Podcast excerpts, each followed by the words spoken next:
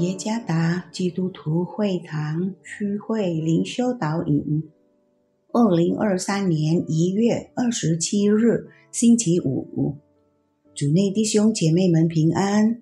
今天的灵修导引，我们要借着圣经腓立比书第三章第十到十一节来思想今天的主题：经历主所经历的。作者。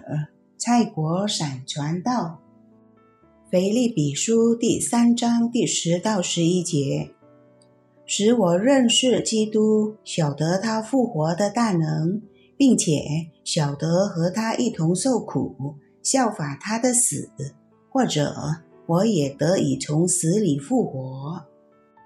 借助社交媒体，可以传播各种独特的节目或游戏。视频中流传的一种独特游戏是夫妻可以玩的游戏。这游戏模拟分娩时的疼痛，丈夫们被挑战去感受他们妻子面临怀孕和分娩期间的痛苦。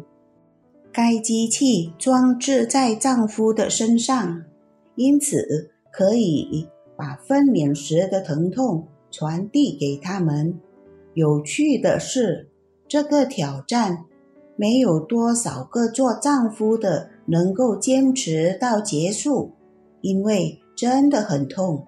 但是有一个丈夫可以完成挑战。当被问及丈夫为何能够完成挑战时，原来这位丈夫早就想体验他爱妻的感受。有时他是如此难以理解妻子的感受。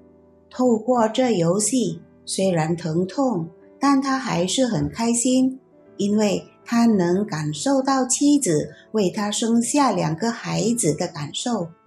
他想体验他妻子曾有的经历。在我们今天默想的经文中，保罗说，他因对基督的认识。而愿意为主做任何事情，他愿意放弃当时犹太人所有的骄傲、法利赛人的崇高地位、如此骄傲的家庭背景、世界认为伟大的一切。保罗愿意丢弃万事，看作粪土，为要得着基督。保罗愿意忘记背后。努力面前的，向着标杆直跑，为要得神在基督耶稣里从上面的呼召。他做了这一切，是因为他真正爱那赐他恩典的耶稣，以至于他想感受基督所感受的一切，体验基督的经历。认识基督成为他所有经历的动力。他甚至愿意效法基督的死，使他也得以得着像基督那样的完全复活。因他渴望经历神复活的大能，他也愿意与基督一同受苦，好让他能更认识他。当我们说我们爱基督时，这意味着我们愿意为主做任何一切事，让我们更像基督。我们愿意透过所有的情况被塑造，好让我们更加认识他。我们愿意努力学习他那不容易明白的话语。我们愿意经历各种身体和精神上的痛苦。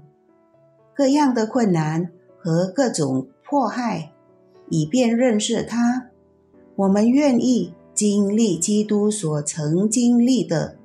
我们也相信，所有奋斗和牺牲的结束是值得我们度过的生命旅程。